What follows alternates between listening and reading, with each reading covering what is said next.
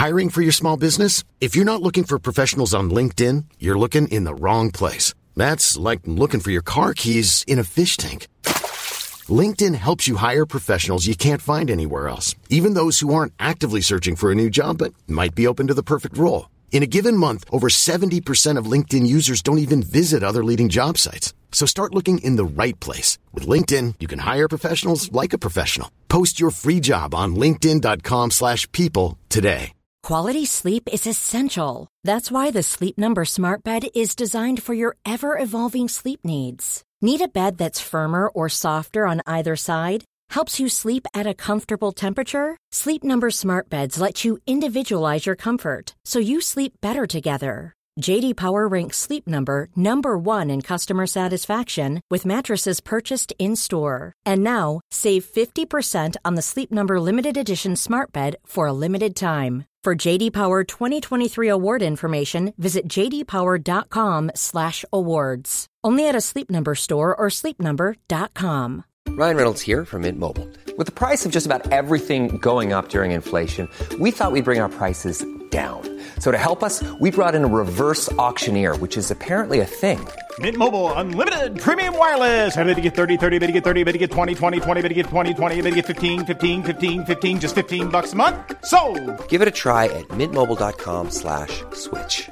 $45 upfront for three months plus taxes and fees. Promo for new customers for limited time. Unlimited more than 40 gigabytes per month. Slows. Full terms at mintmobile.com. Since 2013, Bombas has donated over 100 million socks, underwear, and t-shirts to those facing homelessness.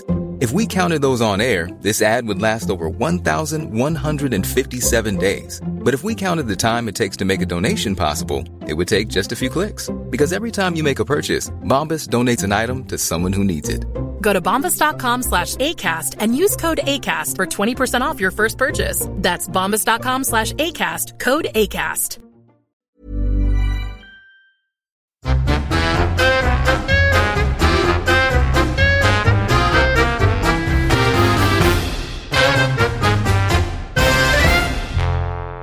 Hej och välkomna till eh, Inte din morsa. Jag, det var länge sedan vi sa succé, succépodden men nu är vi en succépodd. Vi ökar väldigt mycket. Kan det vara mitt eh, slaskande kring min pappas relation? Kan det vara ditt faders arv? you never know. Ja men, men det har hållit i sig. Det engagerar. Ja men det håller i sig. Det är vi Precis. glada för. Vi har fångat Ja. in dem så. Eh, lite slaskigt då. Ja. Och eh, sen är de ändå kvar. Så det får man ändå vara tacksam för. Jag ska berätta en, eh, en eh, glad nyhet för dig. Mm. Att din pappas tjej är inte sur på oss. Hört det från säkra källor. Åh gud vad skönt. Och jag sa så, om jag skulle bjuda in henne på en tjejmiddag, skulle hon komma då? Ja absolut. Så att, Mm. ja vi får väl se. vi får väl se. Fortsättning följer. Fortsättning följer. Och eh, nu när vi ändå håller på med cliffhangers så kan vi säga att eh, inom eh, ja, typ en kvart så kommer det komma en hemlig gäst. Han har skrivit en bok. Oj, nu avslöjade jag allting. Han, det är en hane. Men eh, skit i det. Hur mår du? Eh, jag mår bra. Förutom att jag har migrän. Och jag eh, käkade en Sumatriptan tablett i morse. Vilket man blir lite knäpp av alltså. Vilket Det är det sätt? enda som biter på min migrän.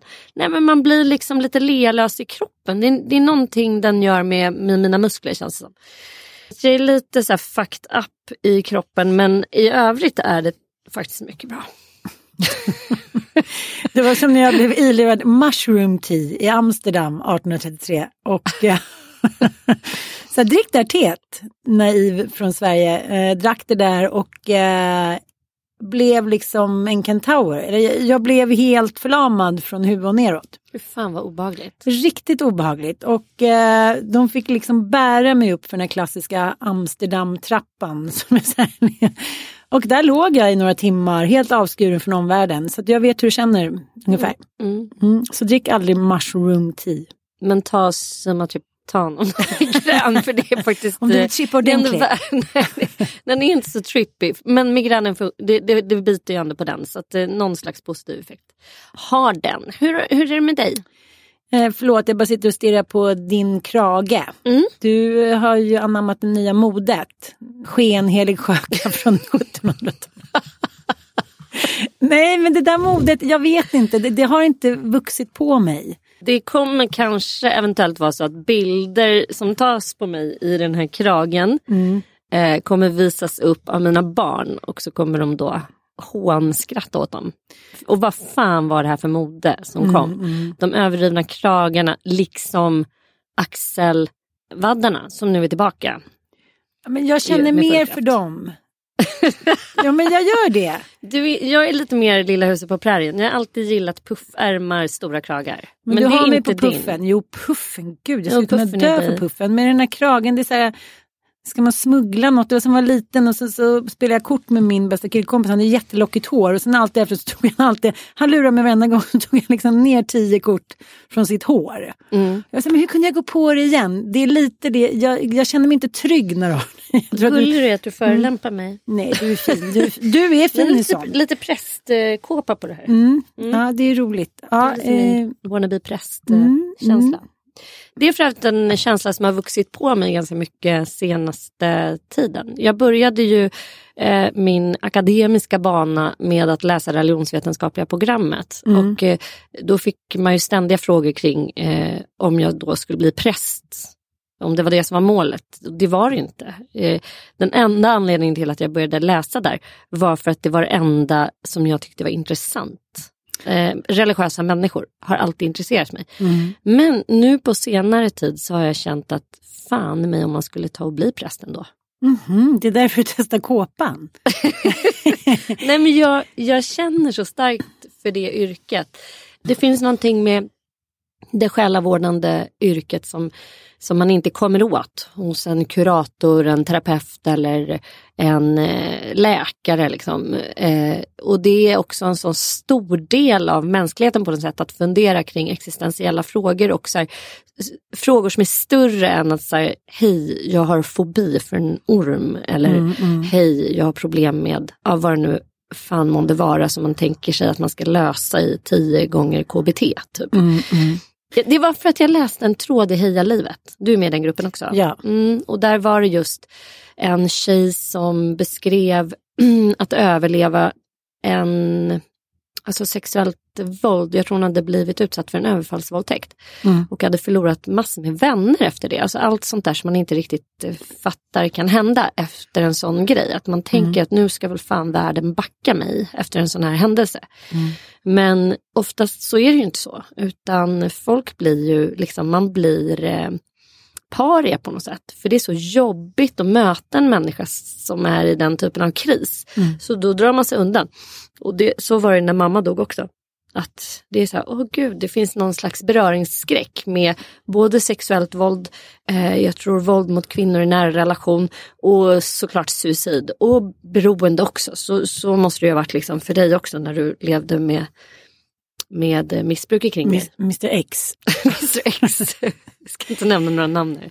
Nej, Men eller hur, att ja, men- det, det uppstår så beröringsskräck. Och då var det många som tipsade om kyrkan. Så här, där, det är verkligen, så här, dit kan du alltid komma i vilket jävla skede av livet du än befinner dig i så kommer du bli välkomna där. Och det är min erfarenhet också. Även om inte jag är eh, medlem i någon församling eller känner jättestarkt för en, någon typ av kristen inriktning eller så. Eller någon annan religiös inriktning. Så har jag ändå så här, fått sån jävla instant, gratis, otroligt kompetent hjälp i, inom just kyrkan, Svenska kyrkans väggar. Som, jag, som man inte kan hitta någon annanstans. Men jag tror att vi pratade om det här, det är i och för sig ett tag sedan. Vi pratade om de här så kallade välfärdssjukdomar som de kallas lite hånfullt inom situationstecken. Och jag- lägger inte in någon värdering nu. Nej. Kanske kommer om några minuter men just nu gör jag inte det. Eh, Allt från det här ja, som var lite populärt där med slutet av 80-talet, eh, att man var elallergiker. Eh, nu så är det ju eh, ja, att många kvinnor liksom plus 30 utan familj eh, med hög utbildning och eh, good cashflow inte återhämta sig när de har haft corona. Mm. De blir långtidssjukskrivna. Och eh, jag måste ändå göra en jämförelse med eh, en del kvinnor som blir gravida. Och så säger de så här, men gud jag fattar inte, jag har inte liksom ätit någonting. Och så här, jag har gått upp 30 kilo. Och, och, och vissa är så här, men gud vad skönt, äntligen kan man eh, släppa taget och inte behöva liksom vara i en mall. Att vara perfekt och smal och liksom, utan nu köttar vi bara på. Och det kanske går lite överstyr ibland och sådär. Att det- det är en känsla av att nu kan jag legitimt inte behöva prestera. Mm. Och Hanne Kuhler som eh, är ledarskribent eh, i DN, hon skrev just om det här att så här, men vad gör vi då med människor när det inte finns någon själslig backning? Mm. Så här, vad, ska, vad ska jag göra av den här ångesten som eh, vi ska prata om senare också med vår gäst? Mm. Att, här, det finns en existentiell ångest som eh, man måste på något sätt eh, dämpa den och då kan man ju göra det på olika sätt. Liksom. Och när man inte får svar på de frågorna så måste man på något sätt så här, verkställa någon eh, självmedicinering. Och det kan ju vara då alkohol eller träning eller sex eller vad fasen som helst. Men, men eh, vi läser ju nu till anhörigterapeuter och det finns en, en eh, författare som skriver om just det här värdighet. Mm att när människan inte känner värdighet, liksom, vi klarar inte av det. Vi klarar inte av att inte få känna oss liksom tillhöra någonting större, tro, hopp och liknande. Mm. Och när det inte finns och man kanske inte hittar något, vissa har ju hittat naturen eller ja, någon annan sorts religion eller liksom någon alternativ. Mm -hmm. Men alla gör ju inte det och då finns det liksom ingen gemenskap, gemenskap kvar. Vi pratar om att kollektivismen har försvunnit liksom, i och med att man så här, själv är bäst i dräng och skolan ändras och allting. Och jag kan känna igen mig i den där tomheten att så här, vem ska backa mig nu? Mm. Gud finns tydligen inte då och eh, ja, det känns jävligt existentiellt ensamt. Mm. Så att jag säger you go Kom girl. till mig. ja, jag, jag, jag kanske också blir det då. Ja, jag tycker också att det är jävligt eh, strange. Alltså vi ser ju prov på så här, ett gäng eh, nyandliga vindar. Det har vi pratat om i podden. Mm, att det är liksom mm. en trend som kommer framförallt eh, bland yngre så här, influencers. Josefin Dahlberg eh, till, är ett sånt exempel. Mm. Eh, och det finns ju väldigt många med henne som liksom tillber stenar och eh, tänker mer det stora hela och inte vill ingå i någon så kristen kontext eller någon religiös kontext alls. Utan plocka lite här och varifrån. Och det är mycket yoga och det är mycket liksom så här. Våran, våran kompis Sofia är liksom lite där också. Mm. Och det är fint att se men jag är ändå ganska förvånad över att det inte finns mer an, mm. andlighet. Alltså nu när, så här, jag menar, om man tittar historiskt, liksom, vi har levt i ett land där man har varit eh, de facto tvingad att ingå i Svenska kyrkan. Annars är man typ olaglig. Alltså, tänk när de hade husförhör och dylikt. Mm, mm. eh, Emil. Ja, och det var så här, straffbart för, att inte mm. gå till kyrkan på söndagar. Kul för alla med dyslexi typ. Alltså. Mm, jag ja, förstår du, så jävla absurt. Men hur som helst så har vi vi är ju världen, ett av världens mest sekulära samhällen. Och vi är också ett av de länder där psykisk ohälsa är, eh, bär huvudparten av alla sjukskrivningar. Plus att vi blir friskare än någonsin så det går liksom inte ihop egentligen på pappret. Nej, mm. Det är liksom själen mm. som smärtar och vi, vi tror inte längre och är inte omfamnade av den kontexten. Och det, det man missar med liksom kyrkan som ju eh, få vet om tror jag, det är just de här existentiella samtalen, att det finns rum, alltså diakoner och prästers främsta uppgift är ju att samtala med människor i kris i stort sett. Mm. Eh, utöver att liksom bära eh, traditionerna och de kyrkliga eh, ja, men så här, rutinerna eller vad man ska säga. Men det, ja, jag, jag är lite småsugen. Jag, jag, det kanske blir så när jag blir 50 plus. Men, men, men, jag, men, det som jag tycker är lite märkligt, jag läste någon avhandling nu som vi pluggar så dyker man ju över grejer hela tiden nattetid. Och då eh, var det någon statistik som var så här människor som drabbas av cancer till exempel. Mm. 67 procent av dem uppger då att de eh, ber till Gud. Mm.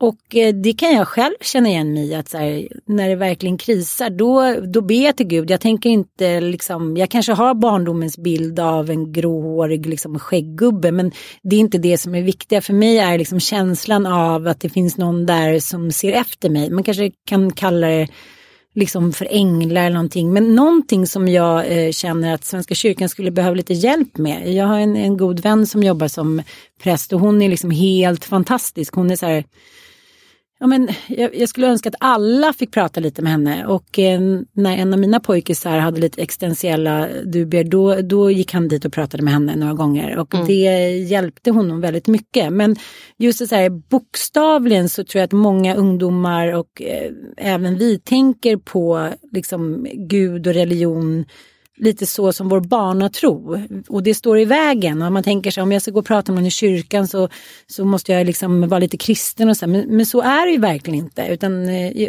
präster idag har ju så här, de sitter ju inte och liksom försöker tjoffa över sin kristna tro till liksom klete och plete. De är ju där för att prata om just sådana här, så här själsliga Mm. liksom, hål och existentiella problem och sådär. Och det tycker jag inte riktigt att Svenska kyrkan har så här bankat ut.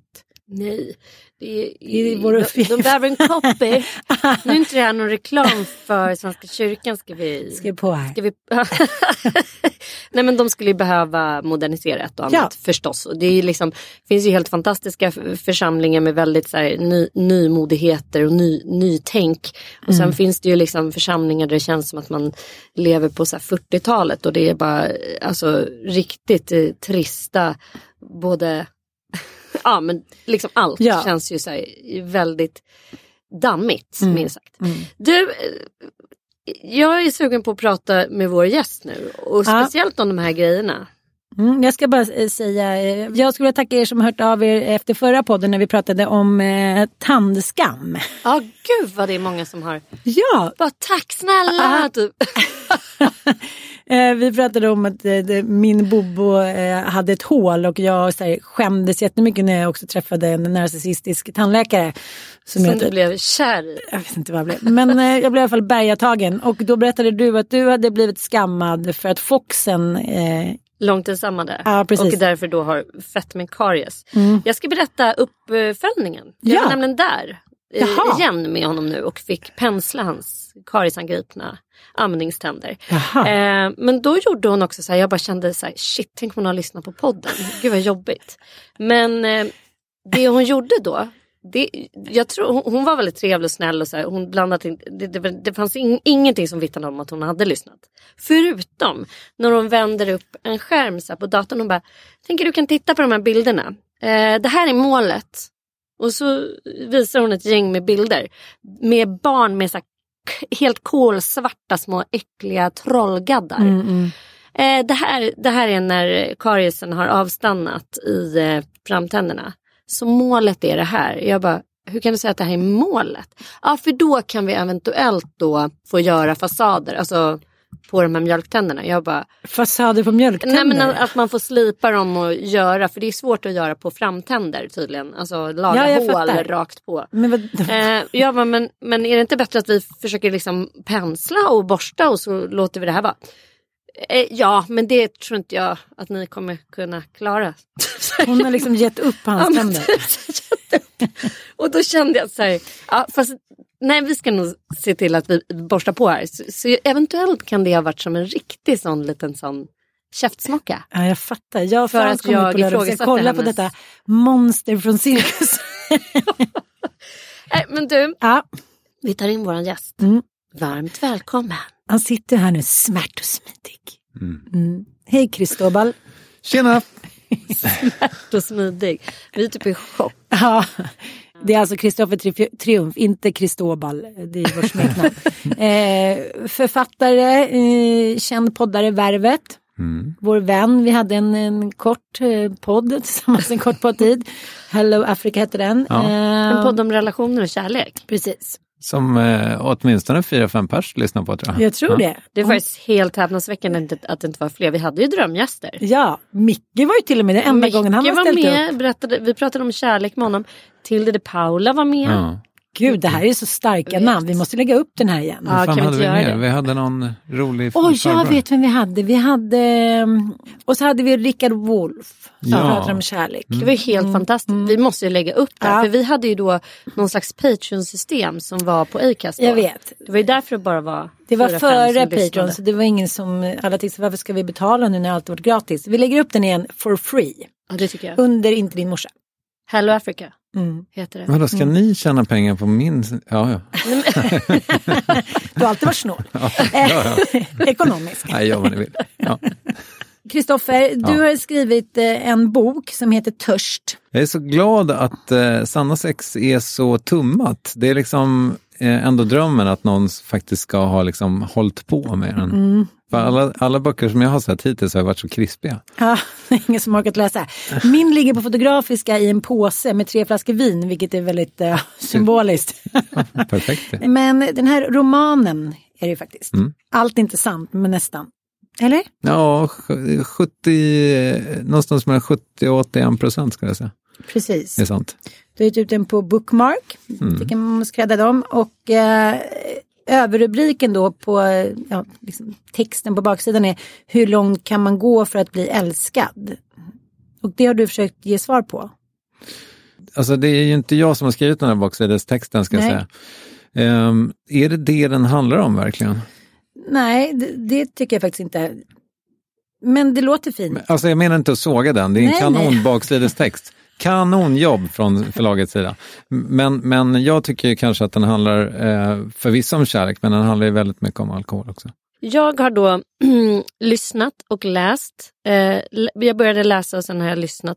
Det är så praktiskt att göra det tycker jag. Mm. Och det är också väldigt härligt att det är du som läser in boken. Mm. Jag, har- jag har tappat rösten en gång i mitt liv tror jag och det var mm, typ kapitel 13 eller något när jag läste in det. Det är väldigt symboliskt också. Check. Fick, eh, eh, fick panik för att det var, jag hade inte jättemycket tid i den där jävla studion. Så att jag fick, eh, då, då hade jag för mig så här, men vänta nu, har inte Fredrik Wikingsson pratat om någon jävla läkare som skriver ut något mirakel? Kortison. Det, han hade ju det. Han hade en mirakelläkare som, som, var, som vi pratade på telefon och sen fick jag ett recept. Så han bara, ja, så käkar du 13 stycken av de här tabletterna. Sköljer ner med lite vatten va? 13? Ja, jag käkade 13 kortisontabletter på, på morgonen och sen till lunch så lät jag helt okej faktiskt. Minns det inget mer. Men man hör, man hör det kapitlet eh, när jag kommer till eh, studion och eh, har tappat rösten tror jag. Det tycker inte jag att jag hörde ett skit om. Ja, men det vara kanske var, då kanske du hade läst i verkligheten. Det, alltså, Ja. ja. Mm. Men, men om man säger de flesta skriver ju en bok om då när de har slutat med ett missbruk, sexmissbruk eller alkohol. Men, men eh, den här boken handlar lite om både och, sluta och inte sluta. Kan du inte lite kortfattat bara berätta om varför du skrev den här boken, förutom att du vill ha pengar, och eh, men berätta lite om, om din bakgrund för alla som inte vet. Om vi tar eh, min bakgrund först då så är ju jag eh, Kommer från Strängnäs. Jag flyttade därifrån när jag var 19, trodde att jag skulle bli skådis. Jag hade scenskräck, fick jobba på Nöjesguiden istället. Jobbade på Nöjesguiden i typ 3-4 år i Malmö. Sen flyttade jag till Stockholm, fortsatte jobba på Nöjesguiden, tjänade 50 öre ett snöre, fick upp ögonen för reklam, försökte komma in i reklambranschen i 10 år, lyckades väl hyfsat med det. Blev pappa, fick sparken. Fredrik Wikingsson ringde och frågade ifall jag ville göra tv med dem. Jag sa ja och då såg jag att det verkar kul att ha podd, startade en podd, gjorde succé. Och här sitter jag nu. Och Men det du- du har utelämnat i den här storyn, det är ju att, eh, vilket man får reda på om man läser boken. För där eh, fokuserar du ju väldigt mycket på, ja men, dels hur alkoholen har sett ut genom ditt liv. Och eh, jag blev väldigt starkt berörd av eh, en scen som utspelar sig just i Strängnäs hemma hos din mamma när du är 11 år med dina kompisar för första gången då inmundigar alkohol.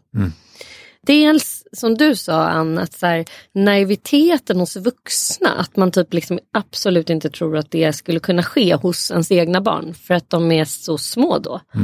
Eh, jag kan inte ens föreställa mig som har pojkar som är 12 och 15 att de ens har testat alkohol. Nej, nej. Eh, Jag tror, jag tror faktiskt barn är senare med sånt idag, i alla fall här i, i stan. Men jag tror i hela världen. Eller hela, ja kanske hela världen också. Men jag tror liksom dataspel och iPads och sånt, de har ju att göra hela tiden. Vi var ju så jävla uttråkade. Det är väl klart som fan att man testade sprit. Liksom. ja. Ja, men jag tänker också det och särskilt kanske, nu vet inte jag någonting om din bokstavskombinationshistoria, men många eh, barn som är rastlösa vill ju att någonting ska hända hela tiden och det som händer när man dricker alkohol är ju att det där snurrandet och rastlösheten initialt i alla fall lugnar ner sig. Och eh, vi brukar prata om det där att man första fyllan är så otroligt olika för olika liksom, ungdomar. Vissa känner så här, gud dove väder, där kom liksom änglarna ner från himlen och sjöng och nu kunde jag äntligen så här, sluta vara nervös, sluta spela någonting. Det var så här, en helt fantastisk känsla. Jag tror att jag citerar faktiskt Sanna i boken någonstans. Gör jag det? Eh, just apropå det där, för jag kände ju absolut inte det med alkoholen. Men däremot första gången jag testade chack så var det ju precis så. Mm. Då var det liksom så här, ja, okej, är det så här jag borde ha mått hela tiden? Mm, för det är, det, det- det är den andra scenen som man blir, eller som jag i alla fall blir väldigt eh, berörd av också. Ja, men så här är det då att även om den Boken har två olika perspektiv. Dels så är det då hela mitt liv med alkohol och droger från det jag smakar alkohol för första gången när jag är 11 eh, fram till liksom, ja men typ idag. Alltså att det finns en, en tidslinje som är historisk och sen så finns det en som är nutida och nutida börjar typ sommaren 2020 och tar slut på nyårsdagen 2021. Och när de två tidsaxlarna går ihop så är boken klar. Vilket gör att det är ganska svårt att skriva en till, eh, kommer jag på i efterhand.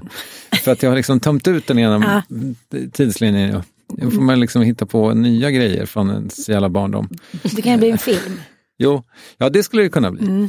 Och upprinnelsen är då att jag får ett ultimatum av min eh, fästmö att, eh, för att hon tycker liksom att jag har förlorat ansiktet, jag har blivit för full en gång för mycket. Så att hon eh, ställer ett ultimatum att jag får antingen fortsätta dricka och vara glad men utan henne eller så får jag få ordning på alkoholen och så kan vi leva tillsammans. En liten passus bara. Du hade Kör. ju varit nykter och drogfri ganska många år. Även efter När du hade vi lärde träffat- känna dig så var det ju det. nykter. Ja, då var jag värsta tråkmånsen. Ja. Kanon. Eh, till alla er där ute som eh, är nyktra alkoholister, så det är bara att köra på. Nej men, men det här är ju- Det var ju för övrigt min stora rädsla, att folk som var nyktra skulle ta det här som, ta min bok som någon slags ja, men intäkt för att säga ja, ja, men okej, men han podden gjorde ju det, så att då kan väl jag också bara safta på. Liksom. Men, men det verkar faktiskt inte alls som, ja, det var någon som hade hört någon intervju med mig som blev, liksom, eh, som verkligen ville liksom kliva in då igen, eh, kliva på vagnen eller hur fan man nu säger.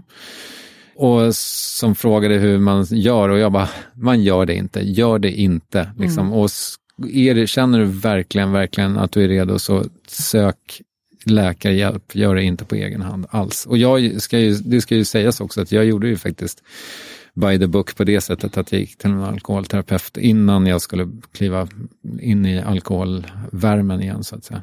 Varför? För vi träffade ju dig på en Elgala och då eh, hade du precis börjat dricka igen och då var du ganska i gasen. Varför var det så viktigt för dig att börja dricka igen?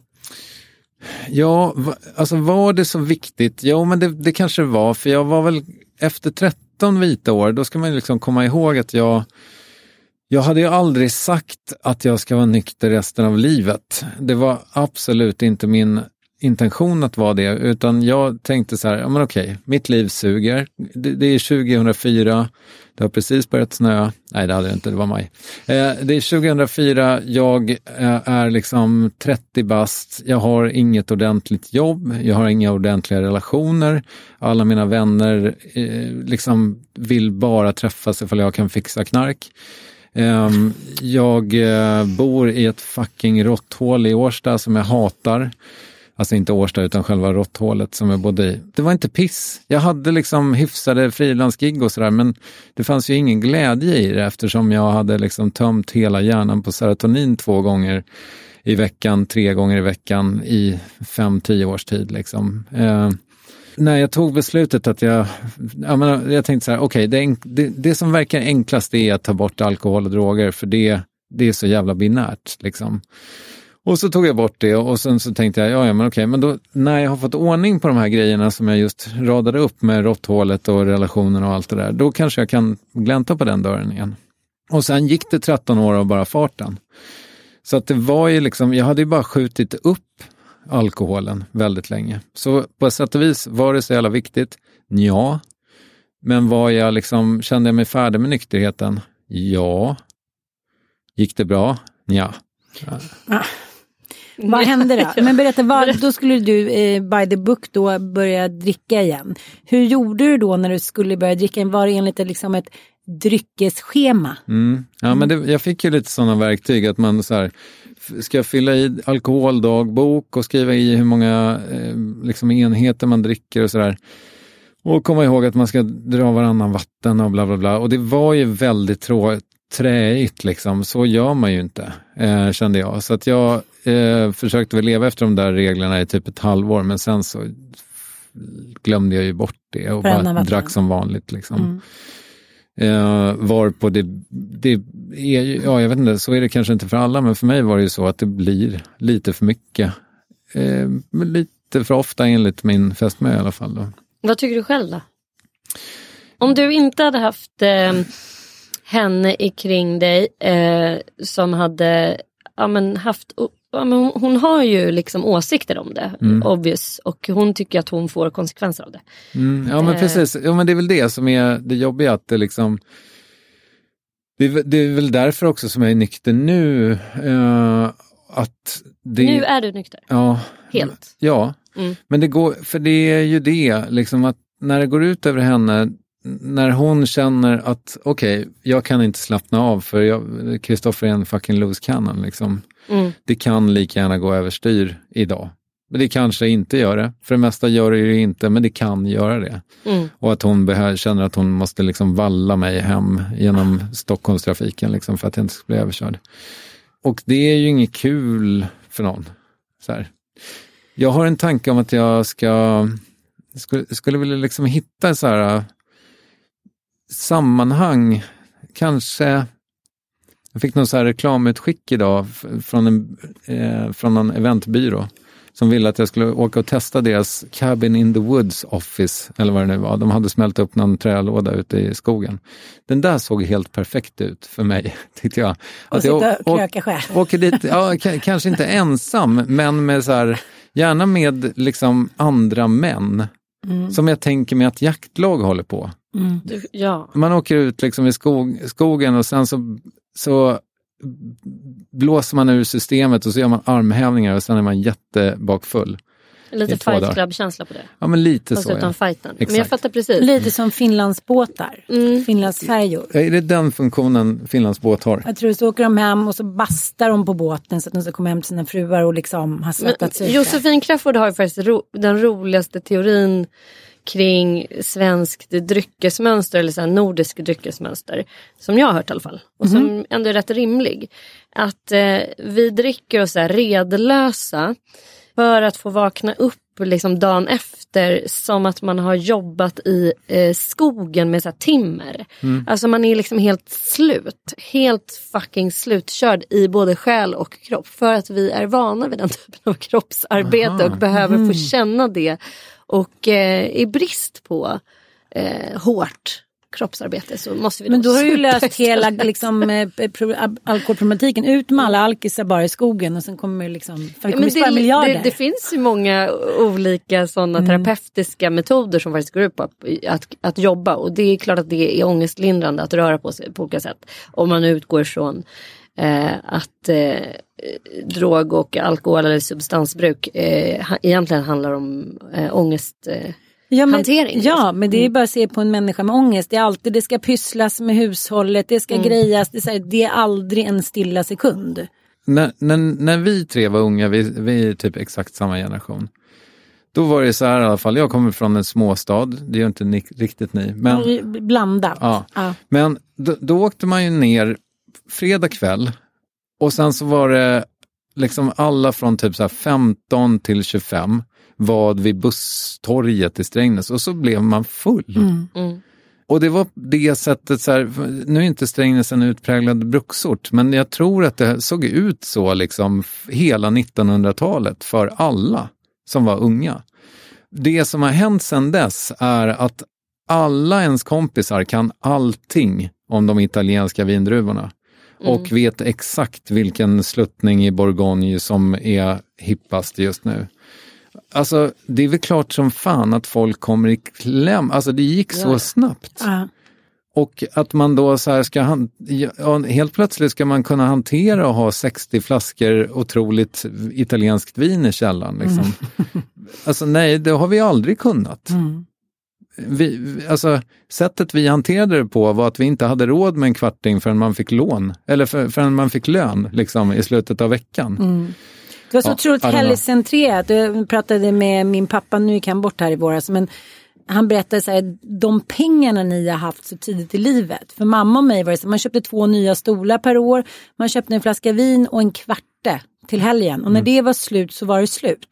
Det fanns liksom, eller att min mamma sen när man var liten så här, skulle säga att hon skulle gå på AV med sina tjejkompisar, då hade man ju såhär vad menar du? Alltså, det, det var centrerat till att dricka på helgen. Jag menar inte att det är bättre. Men det här med, med det, det kontinentala, att det är helt plötsligt att vi svenskar som också har tagit betalt i brännvin i många hundra år. Det har liksom varit det enda sättet för oss att inte hoppa liksom från en bro i många tider. Eh, det är klart att vem, hur skulle det vara möjligt att vi kunde hantera det här? Men, men du känner så här, du kände det eljest. Kan det också vara så att du, man träffar någon, man vill förhöja kärleken, sexet, liksom bla bla bla och så kan man inte det. Nej, det- för, tycker- att, för att man helt plötsligt är över 40 och inte längre kan ligga när man är full. Nej, det stämmer. Det finns, det finns krämer för det, jag säga. Nej, men, men jag, jag, när vi läser boken så är det också... Ja. Obs, jag har legat full några gånger.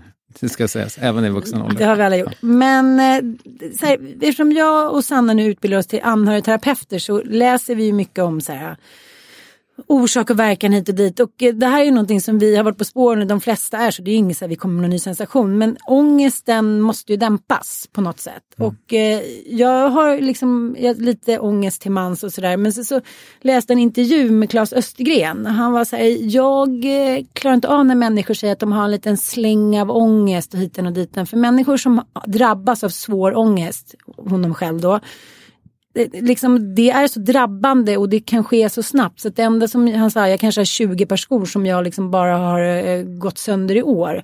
Och det har jag också sett bland annat på min pappa men också så här, ja, nära och kära. Att så här, när den där ångesten drabbar, så, liksom, den måste dämpas. Antingen ut och springa naken mitt i natten eller liksom Ja, men ni, ja, men, ni har väl sett människor som har druckit på det här sättet. Man dricker en flaska som en liten pucko. Det, här, det, det måste dämpas annars så dör man. Och det gör ju vissa människor. De tar ju sitt liv för de klarar inte av ångesten. Du har inte berört din ångest så mycket i boken. Jag tänker att den ligger där lite latent. Samtidigt så är det ju så här, jag menar, jag läste eh, när, jag, när jag var klar med min bok, för jag, jag visste att Johan Kronemans bok skulle ligga ganska nära det, det jag ville göra. Så jag läste den inte medan jag skrev, men sen så gjorde jag det. Och han beskriver ju exakt just den där pucko-drickandet av, alltså så här att, nej men okej, han går till systemet på liksom Mariatorget när det öppnar och så köper han en 75a vodka och så går han hem och så sveper han den på förmiddagen. Liksom. Och så har ju jag aldrig druckit och det är ju också det som, nu svarade jag inte på din ångestfråga, men jag skulle ändå bara vilja säga det här, det är det som är det är det som gör det lite knivigt för mig att så här, signa, skriva under på den definitionen som ibland läggs på mig, att jag så här, är eh, alkoholist eller missbrukare. Så här. Ja, okej, ja, men jag kanske är det. Men jag har ju alltid, alltid, alltid kunnat bestämma huruvida jag ska dricka eller knarka eller inte. Jag har alltid varit herre över det. Det, det, det är aldrig så att jag har känt så här att nej, men nu, nu står jag inte ut längre, nu måste jag dricka. Utan jag har ju alltid druckit på lust liksom. Och det gör, tycker jag, att det definitionsmässigt blir knivigt. Det här kanske ni vet mer om än jag. en Enligt alfa eller beta? Ja, du är en be- nej, men du Beta. är en gamma. Men Ja. ja. i så fall enligt Jellineks eh, diagnossystem. Mm. Alltså att man har eh, inga problem att avstå. Men däremot har man svårt att sluta när man väl dricker. Ja, men Man har precis det. missbruk men inte beroende. Den kontinentala sättet att dricka på. Mm. Men, Ja, men jag är supergammal då. Jag går och tatuerar det.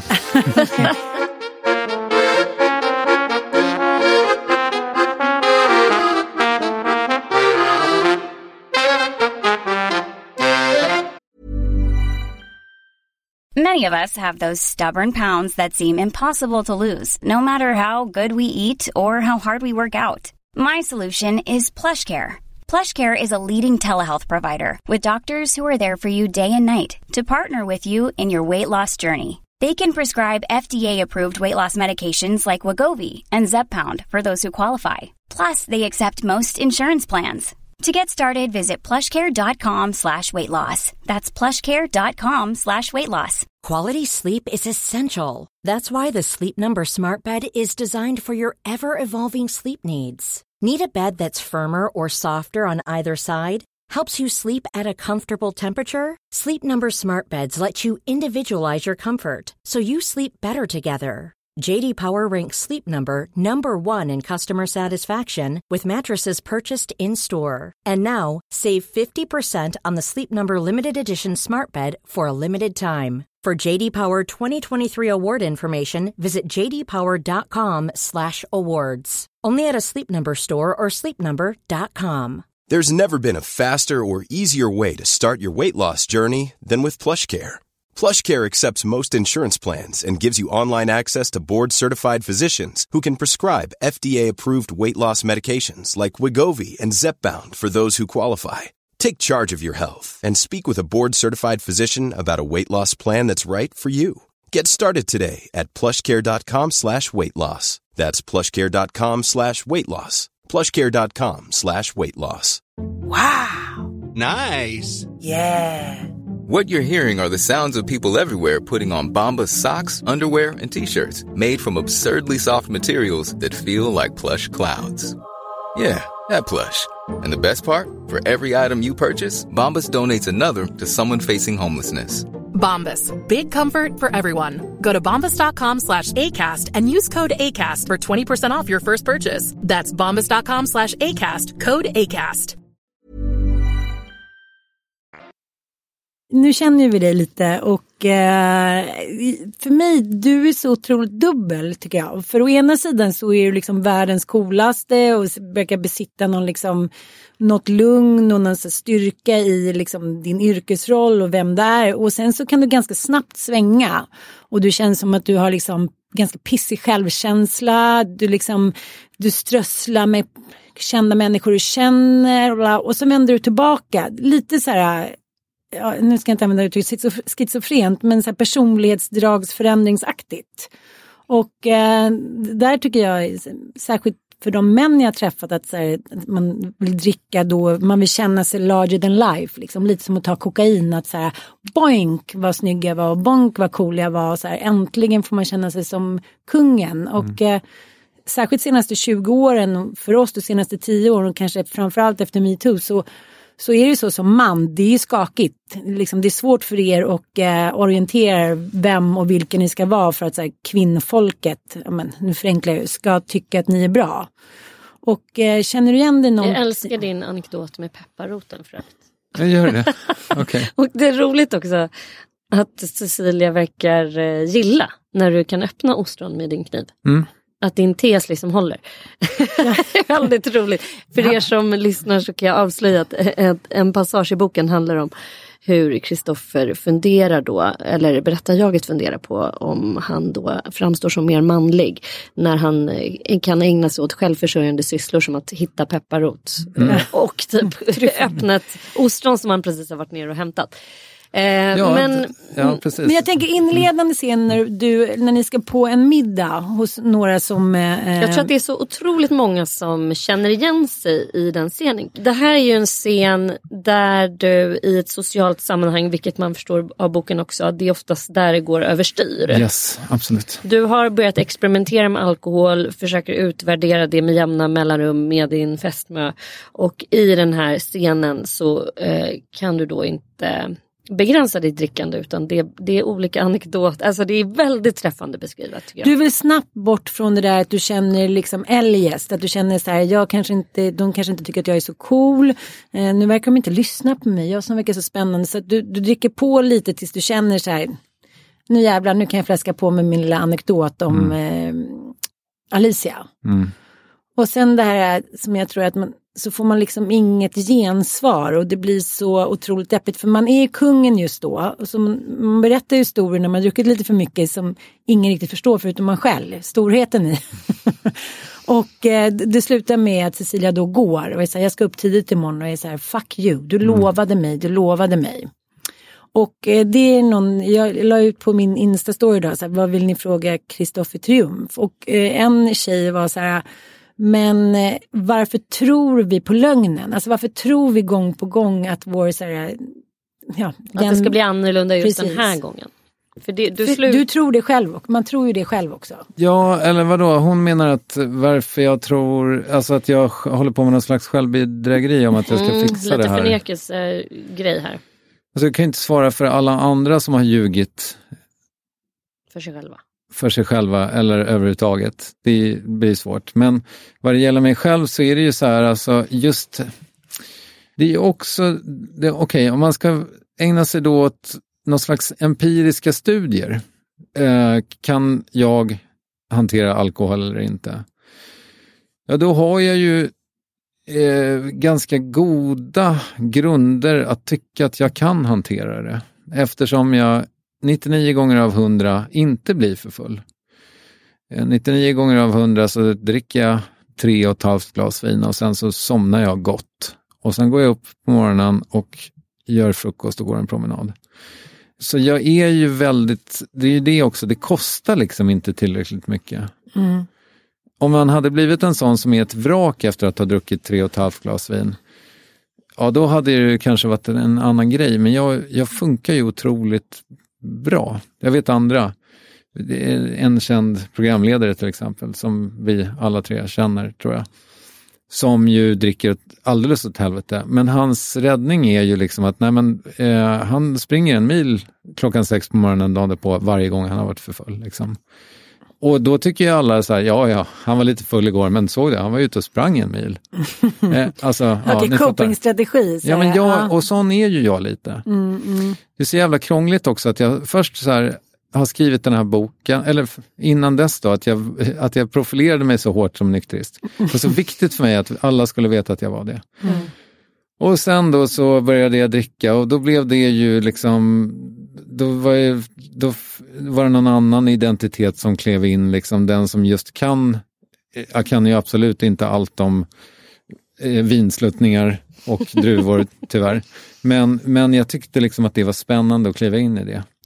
Sen skriver jag en bokjävel också som handlar om just så här, kan jag ens hantera det här? Så att nu kommer jag, jag kommer aldrig kunna dricka på stan igen. nej, För att då kommer jag få en smäll på käften liksom, vilket ju jättejobbigt.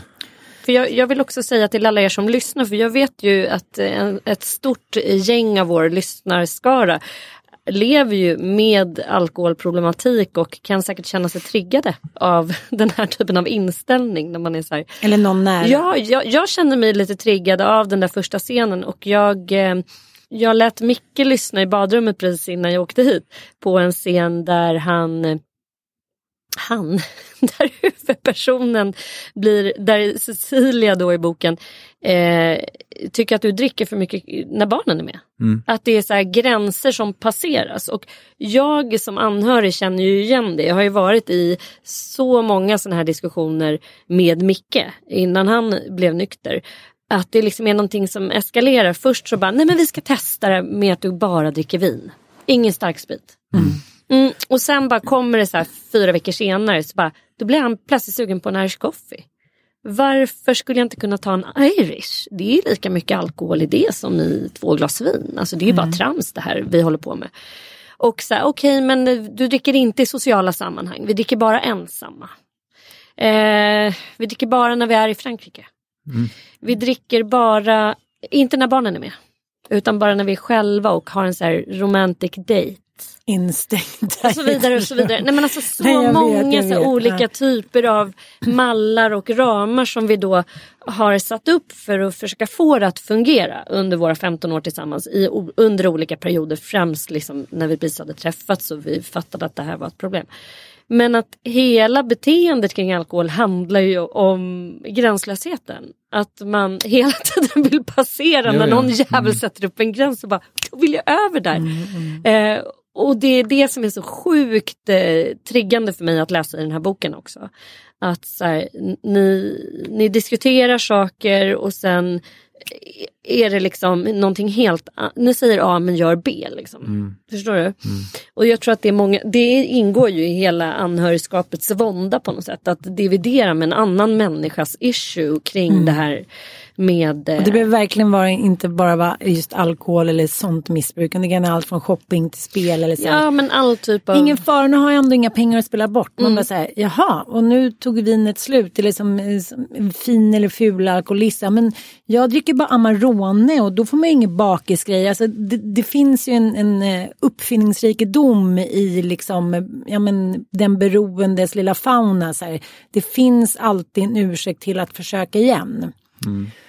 Och jag vet inte, jag har ingen egen erfarenhet av att liksom sluta och börja på något sätt. Jag har bara sett till exempel min far och eh, jag men, pratar mycket med mannen Forsberg om det här. Att, så här, att många som har druckit mycket och varit periodare slutar då så kanske de tar sig en riktig jävla bläcka och så här hamnar på så här 2,7 promille. Och sen dricker de inte på 15 år och sen så när de sätter igång så blir det liksom en sån jävla skåpfylla direkt. Så det finns ju många sätt att ursäkta det på men, men det är ju ett svårt för det, det är ju liksom en, en social eh, kuggat hela tiden. Ska det drickas? Mm. Jo men det är, så är det ju. Ja men det är ju lite det vi pratade om för en stund sedan. Liksom, Ja. att det är så här, eh, ja vi har ju också liksom, nu har vi inte pratat om det, men just så här bag-in-boxen. Vad fan gjorde den med den svenska folksjälen egentligen? Det, är ju- jag tror det var piss faktiskt.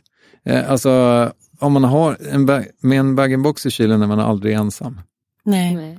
Nej. Jag skojar. Ja, Men- jag, jag köper ju i princip Ja. inte bag-in-box längre för att jag, jag, Jag är bara, rädd för den. Nej, jag är inte rädd för den. Jag bara tycker att det känns så smutsigt att öppna den där plastgrejen, så här, vrr, någon kissgrej. Så här. Jag försökte i somras, jag tog en, en, ett glas och sen slängde den. Jag känner så här, det ska, Släng, du slängde den inte Ann. Jo, jag slängde ut den på landet på marken. Och sen kom, sen kom Sigge. Sen kom kråkorna. Slicka i- sig. Nej, men jag tänker så här att, att om det ska vara något fint och härligt, det är ju inte det med bag-in-box. Det är också som att trigga s- liksom, eh, sina så här, triggers och säga det där kan du bara köra på. Mm. Du och jag, vi ligger här med slasken, Bettan typ. Så Mm. jag tänker att man får liksom skapa lite egna så här, Men, hinder. Men, Ja, men boken då? Ja. Vi vet inte, du har skrivit den, det vet du inte. Du, skrev den för att, är det för att göra upp lite med dig själv också? Nej men så här, fan, nu ska jag kanske ta den frågan i mål då en timme senare. Ja, det att, bra. Att, att eh, när jag fick det ultimatumet så hur, hur kan jag lösa det här då? Ska jag bli nykter igen? Eh, av någon anledning så kommer jag att tänka på att Tommy Körberg hade pratat om något piller han tog när han skulle liksom fästa Mm. till det. Som just tog av liksom toppen av fyllan så att det gick aldrig överstyr. Han typ eh, skulle gå på premiär och då så drog han i sig ett piller och så orkade han bara två GT, sen gick han hem typ. Så jag bad att få det utskrivet och då kände jag att det här är liksom ett skifte på något sätt. Här, här är en milstolpe i mitt liv. Nu kliver jag in i en ny fas och då började jag skriva dagbok. Och tanken var ju inte kanske att det skulle bli en roman från början, även om jag någonstans kanske i bakhuvudet tänkte att det kanske kunde vara intressant för någon annan att läsa. För jag har tänkt på det ganska mycket. Jag tror vi har pratat om det också i olika sammanhang, just så här att det är så oberättat om människor som efter en längre nykterhet närmar sig alkoholen igen. Jag vet att Kjell-Olof Fält skrev någon bok med sin fru, eller hur det var, för 65 år sedan, eh, som sålde i 3x. Men i övrigt så kändes det som att det var ganska tomt. Ja. Liksom. Den var ingen litterär upplevelse kan inte jag säga. Okej, jag, Nej. jag tror inte jag läste den Nej. faktiskt. Men, Nej. men, eh, nej, men hur som helst. ehm, och jag har ju letat efter min bok lite. Det, ska, jag- det kan jag ju villigt erkänna. Så här, vad, vad skulle jag kunna berätta som betyder någonting? Och Claes på Bookmark hade hört av sig för flera år sedan och sagt så här, du, det ligger så i tiden med psykisk ohälsa, har du någon idé på det? Liksom? Och jag bara, nej. Och sen så gick det tre år. Och sen så, det är kanske inte psykisk ohälsa per se, men sen så kom den här idén, eller dagboken kom till mig. Och dagboken växte och växte och växte. Och eh, efter ett tag så började jag nog då också liksom, ja men när, när konturerna började sätta sig så började jag skriva om livet innan också. Mm. För jag hade ju kanske glanat lite på, jag vet inte om ni känner till han Ulf Lundell som har skrivit så här dagböcker. De hade jag läst liksom och var lite inspirerad av. Mm, mm. Nej, men eh, jag hade läst dem lite och tänkte så här, men det kanske inte är så dumt med dagboken så som form. Jag hade väl läst lite Norén också. Men jag kände också att det var för jävla tråkigt att bara skriva dagbok. Jag har. Jämför det med jättar har jag. Ja, men det gör jag. Ja, det är absolut. Mm, mm. Ja. Eh, ja, Rada upp dem bara, Hemingway.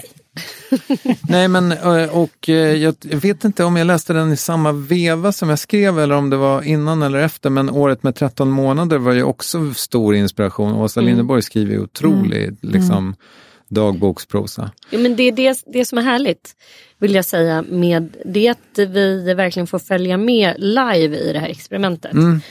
Och det, det märks att det är en process som pågår. Sen vill jag säga om boken att den är så, det är så jävla spännande att för att person som vi var inne på här att liksom förnekelse och lögnen och där det ingår ju och det gör ju också att man ifrågasätter om du verkligen har så himla big issues eftersom du har en exemplarisk förmåga att diskutera inte bara med din fästmö utan med dig själv Mm. om varför du dricker, hur, varför du dricker för mycket. Du, det, det är otroligt intressant för det får man väldigt sällan höra personer med beroende. Om jag frågar Micke, så, men varför, varför vill du dricka? Jag tror att han antingen drabbas av enorm skam, alltså någonting bara låser sig. Han vill liksom inte ens gå in och analysera det. Det är som att säga, men vem, alltså det, det blir, eh, det, nej, det är stängda rum och det tycker jag att jag har upplevt hos de flesta som faktiskt har beroendeproblematik, att det är väldigt, väldigt svårt att prata om just det. Mm. Och det kan man inte säga om din bok. Nej, Det- men jag försöker ju tränga in i Mm. det liksom, och jag försöker vara väldigt, väldigt ärlig. Sen glömde du säga att den är så fruktansvärt välskriven också. Ja, men det sa jag till Ann innan och det Ja. kan jag verkligen säga Jo, även till dig. Jag vill gärna ha det på band. Jag vill ha det på band. Och det har även Joar ben, Benjulos skrivit Mm. om dig då. Benjelol. Ja. Benjul, vad heter han? Benjelol. Benjelol. Att Kristoffer kan verkligen skriva och det vet ju vi så att det behöver inte säga. Men, men den, är, den är välskriven och den är, den är också lite mysig emellanåt. Mm. Det får man väl tycka. Även fast det är en uppgörelse med dig själv. Men eh, så vem tycker du ska läsa den här eller lyssna på den här? Men alla som någon gång har haft en relation och eller alkoholproblem eller känner någon som har haft det, det är min målgrupp. Ja. Så det är ju ett gäng. Det är ett jävla gäng där. Oj, du har, det är miljoner, miljoner. Mm. Men för er lyssnare som gillar mig och Ann, eh, vilket jag antar att ni gör, ni som lyssnar. Men eh, den här boken är av just det skälet att den är så inträngande ärlig.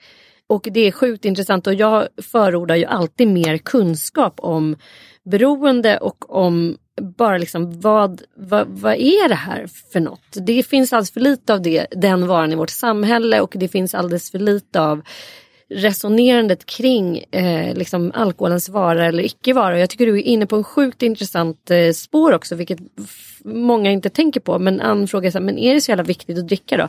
Men helt ärligt, hel, som du säger, hela vårt samhälle och hela vårt vuxenblivande om man typ inte är medlem i IOGT-NTO alternativt en frikyrka eh, fokuserar ju kring umgänge där alkohol är inblandad. Ja, ja, visst. Och så är det även i min bekantskapskrets. Jag har väldigt få sammanhang där det inte kretsar kring alkohol. Mm. Det är träningen och stallet typ och vissa så barnkontakter. Men väldigt mycket av så här, alla vänskapsrelationer är ju liksom in ringade kring alkohol. Och Visst. den där alkoholdebuten som du var med om i eh, din lilla småstad. Jag tror att det är så, alltså jag känner igen mig i Orminge centrum. Det var exakt det. Så här, hela vuxenblivandet handlar väldigt mycket om att eh, börja dricka alkohol och eh, förhålla sig till alkohol. Och sen är det det eh, livet handlar om. Och eh, högkonsumenter av alkohol är ju oftast mellan 18 och 27.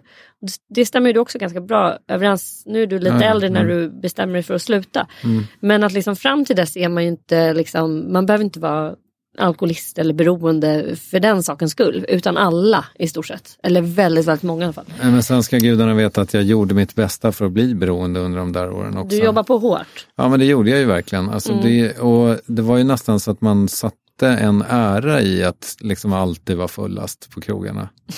eh, förlåt, jag kunde inte låta bli. Jag vet inte hur många som kan referera det. Men, men du, eh, du umgås ju också. Jag kommer ihåg att jag sa det till min eh, terapeut Lasse. Att jag bara, men alla dricker ju så här. Han bara, fast Sanna det stämmer inte. Mm. Du umgicks ju också med hö extrema högkonsumenter Jo, ja, både visst, alkohol och absolut. droger. Ja, det är klart att man Mm. söker dem Ja, man söker sig till dem och det var ju det som var jobbigt också när man väl blev nykter och det tycker jag, det har ju fått väldigt, eller förhållandevis, förhållandevis få frågor om liksom hur det var den ensamheten när, när jag tog beslutet, men den var ju fullkomligt förkrossande. Liksom. Mm. Att, vara, att ha under tio års tid bara rensat bort alla fucking nej-sägare som, ville, som tyckte liksom att, nej men Kristoffer, du kanske inte ska gå på det här mötet för du luktar alkohol fortfarande. Liksom. Eh, alla de människorna hade försvunnit ur mitt liv, så jag hade ju bara jätteroliga festprissar i telefonboken. Liksom. Och ingen av dem ringer ju när jag liksom förkunnar att jag ska bli nykter och kollar hur läget är med mig. För att då är jag fienden på något sätt, eller påminner om, Mm. liksom, om något samvete. Men om vi ska se genom en så här ögon med en liten tidskapsel. Om man jämför dem med till exempel slutet av 90-talet och början av 2000-talet när allting pågick som värst. Så var det ju fortfarande så, ryggdunkarnas tid, man täckte upp för varandra, alla, liksom kokain var liksom the shit. Alla hade någon liten kran, folk satt liksom hemma och drog cola och aff. Alltså det var en helt annan kultur. Idag så känns det lite som så här, om alla skulle ha hållit på nu som de gjorde då, ingen skulle palla med det här tempot Men- som vi jobbar i. Men jag tror att det är så jävla mycket mer kokain i Stockholm idag än det var på vår tid. Det tror jag också. Det är bara Alltså, det att vi är jag tror äldre att det är tiofalt. Du, är... du har vuxit ifrån Nej, men det. du, du menar så här att det skulle vara att för en, en journalist som liksom av mm, vår kaliber eller din, liksom, hur som helst skulle kunna så här, köra på på Spybar. Det var liksom, jag kommer ihåg en gång när jag var på Bern så var det några också kompisar till oss. Är så här, öppen toalett så låg det bara lite högar med kok. Så här, vem vill gå in och snorta helt öppet? Så är det ju inte idag. Nej, kanske inte. Nej. Eller, eller så är det så på Berns. Har du varit där på länge? Klockan 03. Nej, det har du inte. Nej, jag bara tänker att så här, man har så mycket att förlora, mycket mer att förlora. Då var det lite så här, okej, det var virren, han drog lite kola, den åkte fast, mitt ex åkte fast, alla liksom, ja, det var lite hiten och diten. Det var så det skulle vara på något sätt. Idag kan du ju faktiskt hamna ute i kylan. Om du, så jag, jag tänker ändå att det Folk kanske liksom Kanske. håller på lika Mm. mycket men jag tror inte att eh, samhället är lika liksom eh, Tolerant. Nej, det är i alla fall min inte. känsla. Och eh, det som jag tycker Och den kan ingen ta ifrån dig, Ann. Nej det kan inte, men, men samtidigt så är det så här när män skriver dagbok om alkohol så liksom, ni har ju svårt att komma ifrån eh, romantiseringen Mm. av Ja, alkohol. men så är det. Jag ska läsa lite, sidan 119. Jag ska dricka vin, fiska och skriva. Det är inte utan att jag känner mig lite som norra Södermanlands svar på Hemingway. Som väl fiskade. Drack gjorde han i alla fall. Det är jag nästan säker på. Och texten ska nu bara godkännas av sin första läsare Cecilia. Jag, jag undrar därför, det här är ett fenomen som jag själv kan skriva under på. Hur enkelt det är att komma ihåg fyllan som rolig. Och hur svårt det är att komma ihåg bakfyllan som förödande. Och eh, så att hur det än är så är vi ett land där vi rom romantiserar alkoholen. Mm. Och det kanske har med vårt inre mörker och vår ångest att göra. Att så här, vi måste få ha den snuttefilten för att orka gå upp i november. Ja, kanske. Man kan också... Ja, vad ska jag säga? Jag vet vi är inte. överens. Vi är överens. Vi är överens. Men, men jag tänker att det här, är, det här kan vara en högläsningsbok också tycker jag.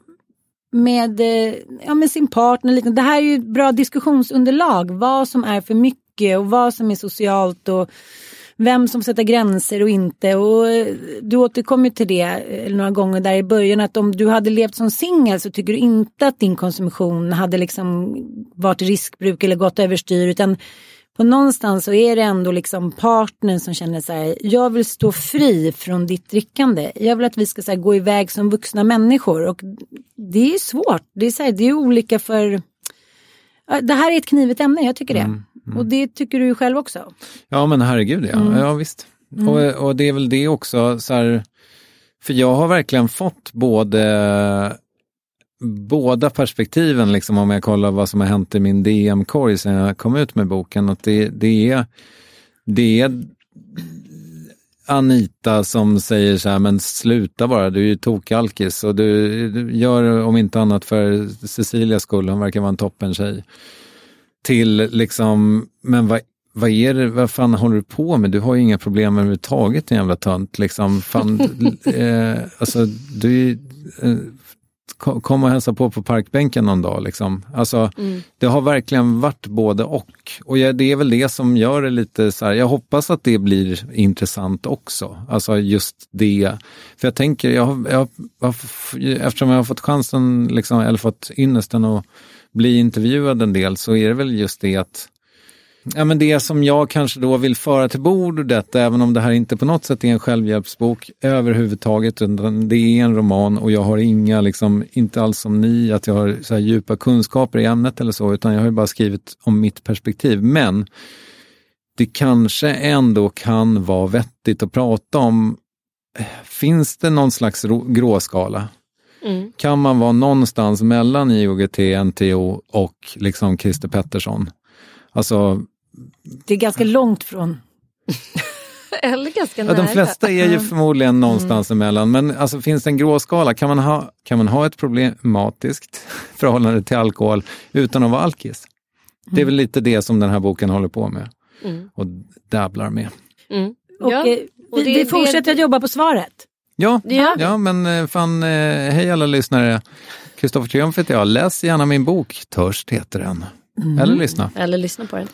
Ja, stort tack Kristoffer för att du kom hit. Det här är ju vårt favoritämne. Och eftersom vi eh, samarbetar med Storytel just nu så kan ju vi ge bort din bok faktiskt. Ah, wow. Ja, så att eh, om ni då använder eh, koden eller the link, eh, vilken kommer stå i våra eh, Instagram-posters. Mm. Eh, den är alldeles för lång för att ni ska komma ihåg den. Så trycker ni på den och då kommer ni att få testa Storytel gratis som en liten present eh, i 30 dagar. Ungefär en månad. Och då hinner ni lyssna på den här boken massa gånger. Det är exakt en Ja. månad, fem gånger om året.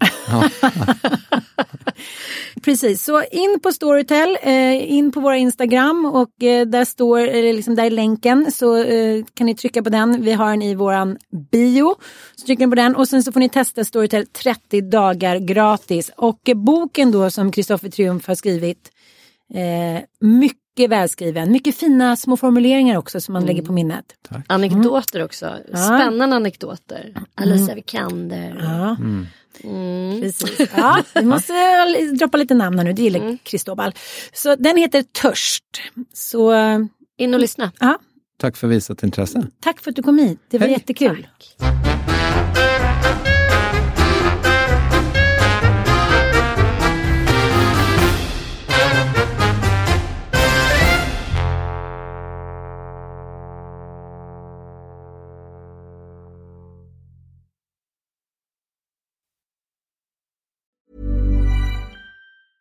Planning for your next trip?